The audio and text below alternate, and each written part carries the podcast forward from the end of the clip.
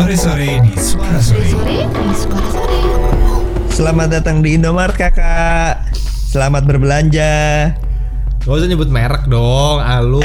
Gak usah sebut merek nih. Kasian dong, partnernya Alfamart tuh kasian juga. Kan banyak. Gak ralat juga. kali gitu. Alu. Selamat Selamat datang di Indo April kakak. Selamat berbelanja. Indo Desember ya.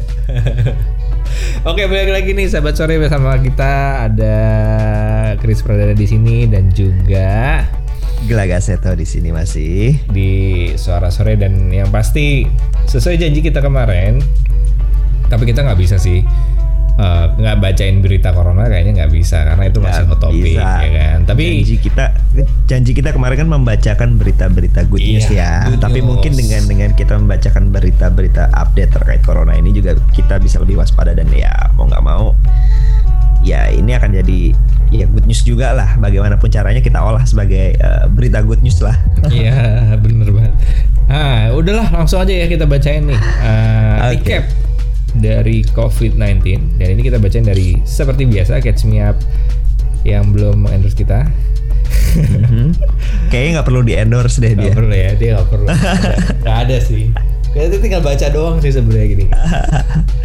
ya, hmm, nationally per 21 Juni 2020 total kasus di Indonesia itu udah mencapai 45.891 dan FYI ini menjadi yang terbesar di Southeast Asia ya.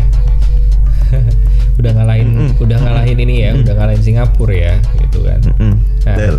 terus eh, seperti biasa ada berita juga 18.400 orang sembuh dan 2.400 meninggal gitu ya. Mm. Dan masih ya DKI Jakarta eh, paling banyak Ranking 9.000. satu karena PSBB sudah di, di, di, eh, sudah masuk ke eh, masa tatanan dunia baru ya. Iya, 9.829 kasus, Jawa Timur 9 9.451, Sulawesi Selatan 3.685, Jawa Barat 2.828 dan Jawa Tengah 2.569. Oke, kemarin berikutnya berikutnya gue punya berikutnya gue punya berita berita berita apa good news good news. Apa? Jadi hari Minggu kemarin CFD Car Free Day di Jakarta udah diadakan lagi. Yeay. Emang emang CFD yang kemarin tuh apaan? Singkatannya? Car Free Day Car Free Day. atau CFD. Corona Free Day. Nah, itu kayaknya. Corona Free Day. Kayak, hmm, manusia nih. Banyak nih. Gimana? Gimana? Good news kan? Good news kan? Jadi Aduh. gue bacain ya ada tiga jalur kemarin Hmm. dibuka jalur pesepeda jalur lari dan jalur jalan kaki Ya, memang Ada penjual sekitar 300. penjual penjual nggak ada, nggak ada, nggak ada Ya, penjual betul. apa pedagang ada asongan penjual makanan ada. ya Hmm. ada sekitar 350 peserta CFD yang melakukan rapid test dan hasilnya ada dua peserta CFD yang reaktif. Mereka langsung dites swab dan diminta untuk pulang dan mengisolasi diri sampai ada hasil tes swabnya. Gimana? Berita baik kan? Aduh. Good news kan? gua- Tapi kan kalau kayak gitu ya, nggak sebenarnya ya gini. Kemarin sempat ada teori kenapa di Jakarta eh, pertumbuhannya semakin sedikit ya semakin sedikit dibanding dengan kota-kota lain gitu ya. Ya kayak misalnya di, yang yang datang ke CFD itu sebenarnya orang-orang Depok orang-orang Bekasi orang-orang Tangerang dan segala macam.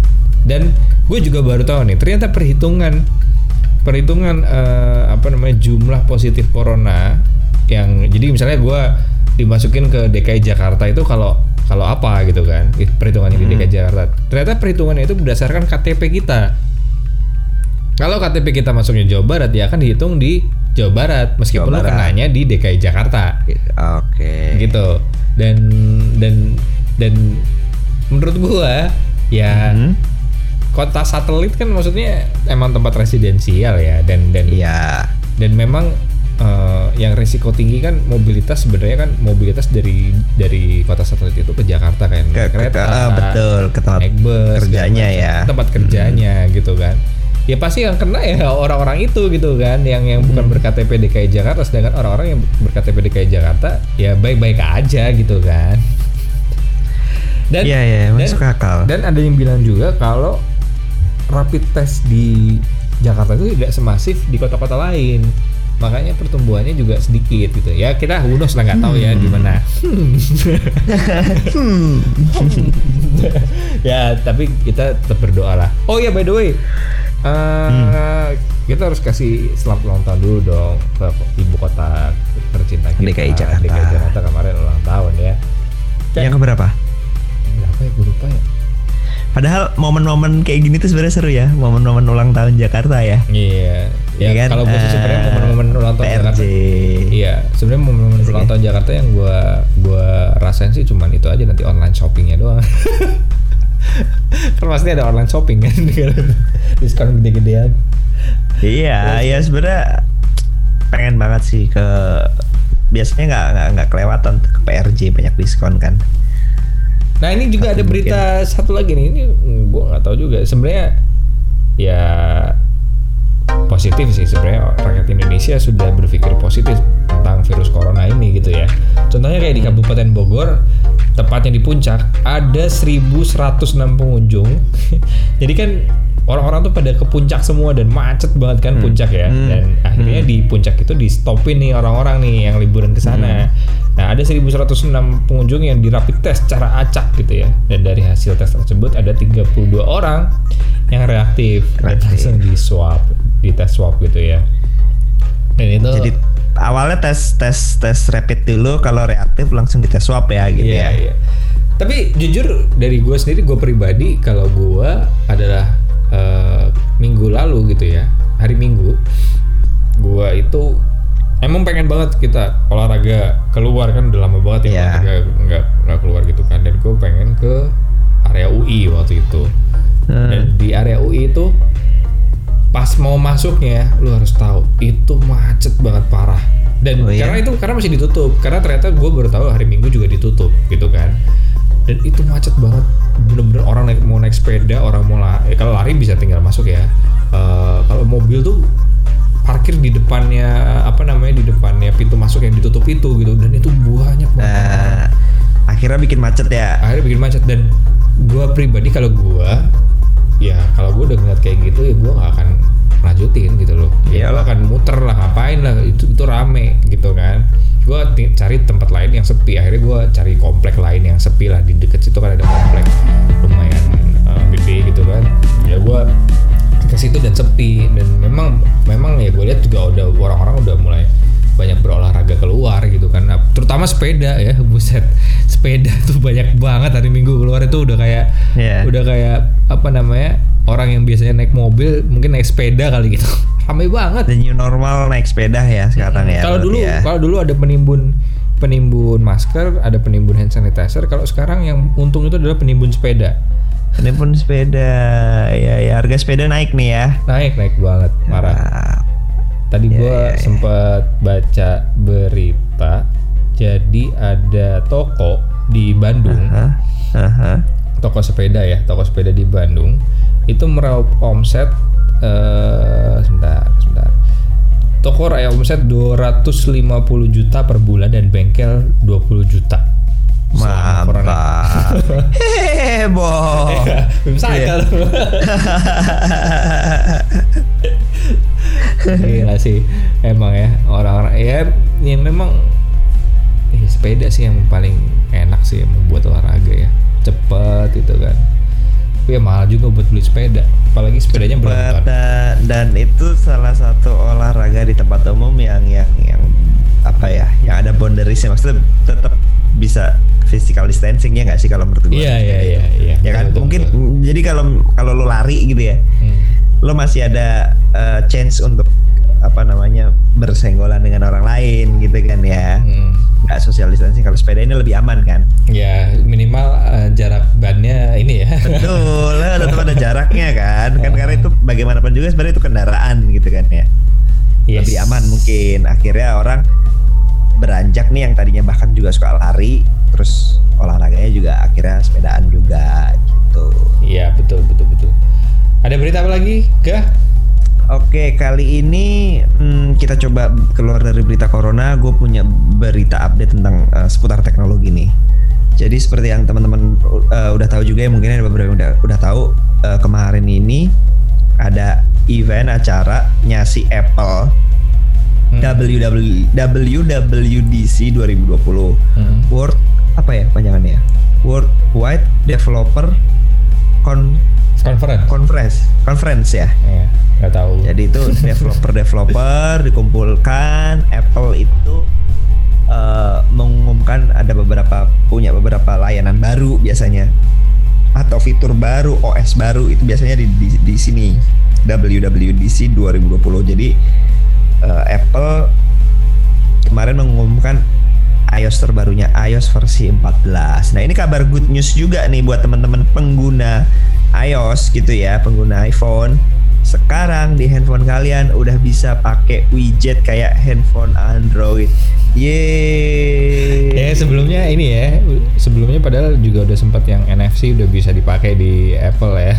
Betul, sebelumnya kan NFC-nya dia lock ya, kayak hanya untuk Apple Pay ya. Hmm, betul. Tapi entah gimana itu kemarin ya mungkin ada update gitu ya sehingga mungkin komplain sama rakyat Indonesia kayaknya.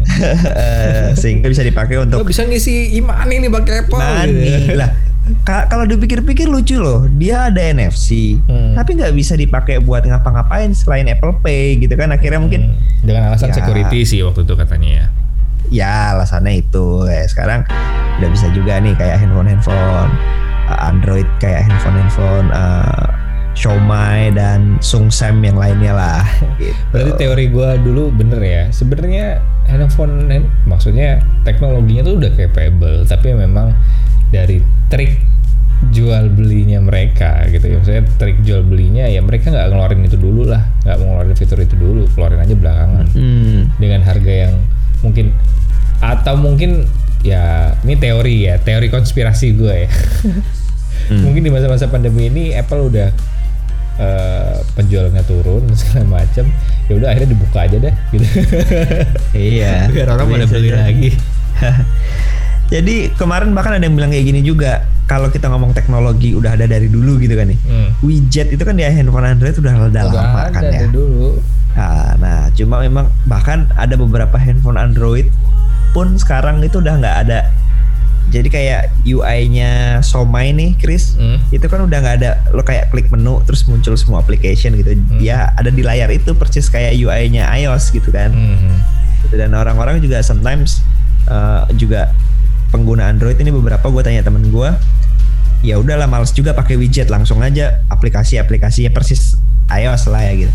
Nah ternyata sekarang iOS pun sama kayak Android dulu gitu jadi bener-bener ada widgetnya dia bisa kita pasang widget kalender gitu widget aplikasi kan dulu itu ada kayak misalkan kita ada widgetnya Twitter ya jadi lo bisa tahu Ya, siapa yang mention ya. lo atau, atau atau trending topik di widget Ya. itu gitu tanpa lo buka aplikasi Twitternya gitu kan ya Ya. tapi kan habisnya kayaknya orang-orang udah males ya udahlah langsung aja gue buka Twitter gitu kan ya agak kurang kepake tuh widget-widget yang model kayak gitu paling masih sering dipakai widget kalender clock gitu kan ya Hmm. nah ah, apa sih iOS ini nanti bisa kayak gitu lo bisa tahu trending topik Padahal sebenarnya padahal sebenarnya keunggulan iOS menurut gua ya, menurut gua ini menurut gua keunggulan iOS itu ya simplicity-nya sih sebenarnya. ya Dan buat orang tua apalagi itu akan sangat memudahkan sekali gitu kan. Betul. Tapi- iOS. Nggak hanya itu aja ada fitur yang menarik lainnya yang yang gue lihat itu jadi kayak dia langsung mengelompokkan saat kita buka eh, si handphone ini ya si iPhone ini langsung dia mengelo- mengelompokkan aplikasi-aplikasi yang eh, recent app yang yang paling sering kamu pakai yang yang atau yang habis kamu download ada langsung diklasifikasi klasifikasikan kayak gitu otomatis itu keren sih menurut gua gitu Hmm. Tapi ngomong-ngomong soal iOS nih ya, Gah. Mhm. Nah, gue juga ada berita juga nih bahwa eh, Facebook Gaming itu sudah Oke. hadir di eh, mobile.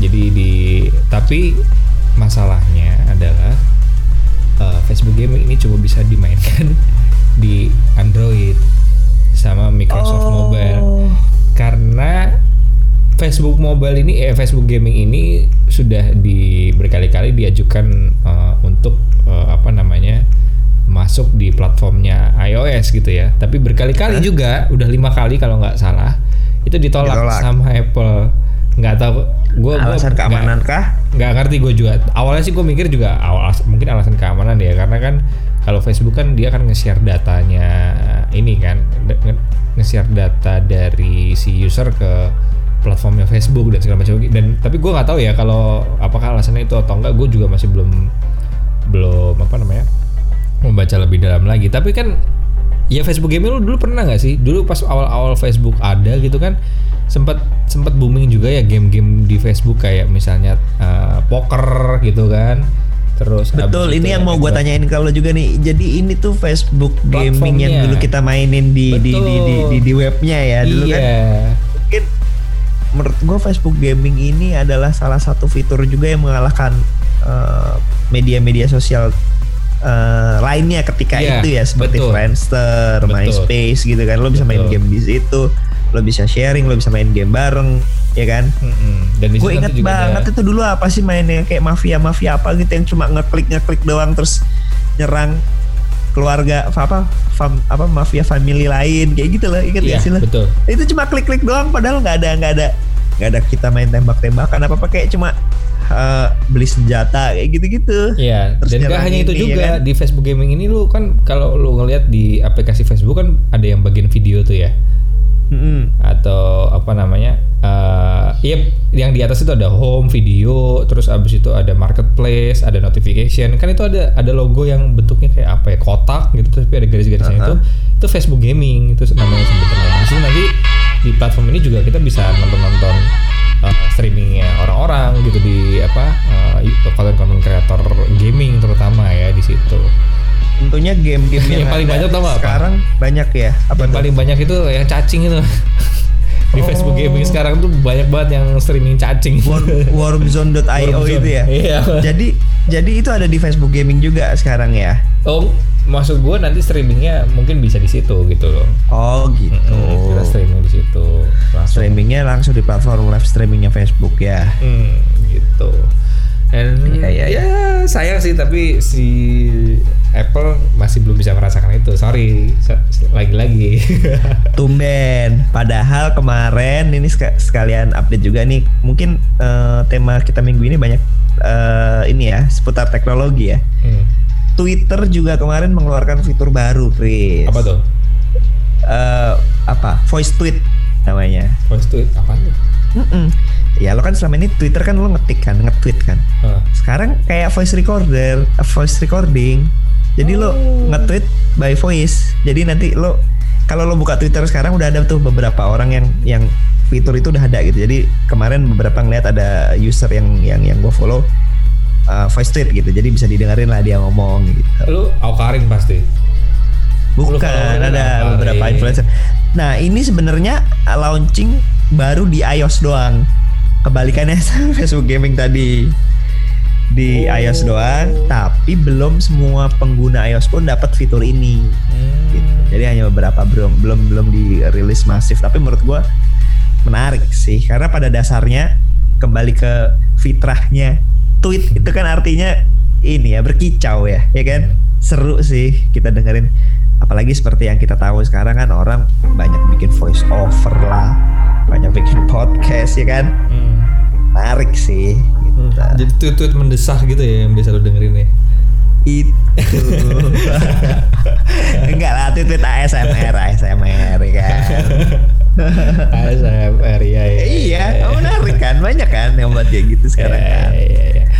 Ya, tapi memang ini ya ketat banget ya sosial media juga kayak misalnya contoh TikTok juga ini banget Ah. apa terus mengembangkan banget tapi gue nggak tahu di TikTok nih kapan matinya. Gue kira dulu tuh setelah si Bowo Alpenlibel udah gak terkenal lagi gue kira TikTok bakal mati. Ternyata sekarang makin menggila Makin booming karena dengan adanya eh, Bowo Alpenlibe terus banyak yang dibully orang mungkin akan merasa ah main TikTok gue bakal dibully juga kayak si Bowo kan gitu ya. Iya tapi padahal ternyata sekarang mm, semua artis em, eh, bahkan artis dari dari dari Hollywood pun semua main gitu kan. Iya makanya. Yang gue juga kaget orang Amerika bisa pakai TikTok gitu maksud gue yang notabene adalah produk Cina gitu kan ya. Heeh. Iya, Padahal mereka betul. mau pakai itu biasanya kan mereka anti yang kayak gitu ya gitu ya. ya Ternyata memang Belum kalau lagunya eh, lagu Indonesia bagaikan langit di sore hari teot, ya. ada yang kayak gitu-gitu kan viral tuh kemarin. Aduh, iya iya iya. Ada apa lagi nih? Enggak. Berita apa lagi? Eh berita eh, sekarang oh, mungkin ini nih, dari- nih. Nih, Apa ini tuh? ada berita yang bener-bener eh apa ya? Membuat kita merasa Tercengang. tambah positif, tambah bersyukur dan tambah ya pokoknya tambah-tambah inilah. Tambah ya pokoknya berpikiran positif lah ya. Heeh. Ini salah satu gue kutip dari Sini Info ya. Jadi jika Anda saat ini memiliki makanan di kulkas, pakaian di lemari, rumah sebagai tempat tinggal, maka Anda berada di jajaran 25% orang terkaya di dunia. Sultan gue coy. luar biasa alhamdulillah ya mungkin karena ini- podcast kali ini ditutup dengan pesan yang sangat luar biasa sekali coba mungkin lo boleh diulangi lagi nggak karena ini jika menarik Anda banget loh Memiliki makanan di kulkas, pakaian di lemari, Mhm. rumah sebagai tempat tinggal, maka Anda berada di jajaran 25% orang terkaya di dunia. luar biasa karena memang dengan pandemi ini banyak eh, kawan-kawan kita ya juga yang akhirnya kurang beruntung kan ya Iya, mungkin sih karena Jadi itu kali ya. iya iya pasti. Jadi dengan adanya dengan dengan adanya pandemi ini kalau kalian masih punya rumah untuk tinggal, punya makanan di kulkas dan lemari, eh dan pakaian di lemari, berarti Anda termasuk berapa persen tadi? 25%. 25 persen orang yang eh, eh, sultan ya. Sultan. ini. Luar biasa sekali. Iya, dengan ya bre, harus bersyukur lah kita yang ya. sangat bermakna betul betul betul betul. betul. Oke, ya? kalau gitu eh, karena sudah ditutup eh, oleh petuah eh, dari teman saya yang luar biasa tadi, jangan lupa terus bersyukur teman-teman. Iya, tetap, stay intinya sih tetap bersyukur, stay Hmm. positif, tetap berkarya di mana pun meskipun di rumah, gitu. Jadi jangan cuma diam aja.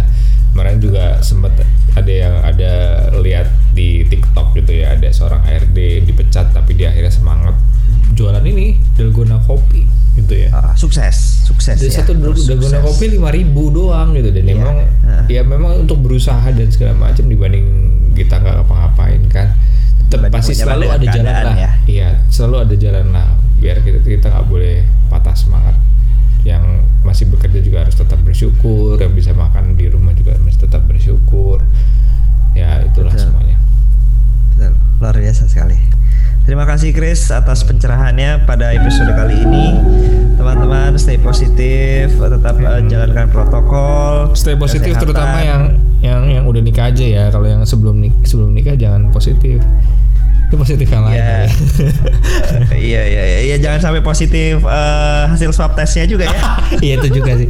Terutama itu ya jangan sampai positif hasil uh, swab test ya. Jangan sampai. Oke, kalau gitu kita pamit undur diri dulu. Jangan lupa follow eh, Instagram kita di suarasore.podcast. Ya dan dengerin kita Kemudian- ada di Spotify, Apple Podcast, uh, iHeartRadio. Aduh macam macam-macam deh, Anchor. Podcast banyak, banyak. Wah, banyak deh, banyak deh. Tinggal cari aja di Sampai- Google suara sore sampai- podcast. Iya, oke. Sa- sa- sampai jumpa minggu depan. Sampai jumpa minggu depan. Dadah. Dadah.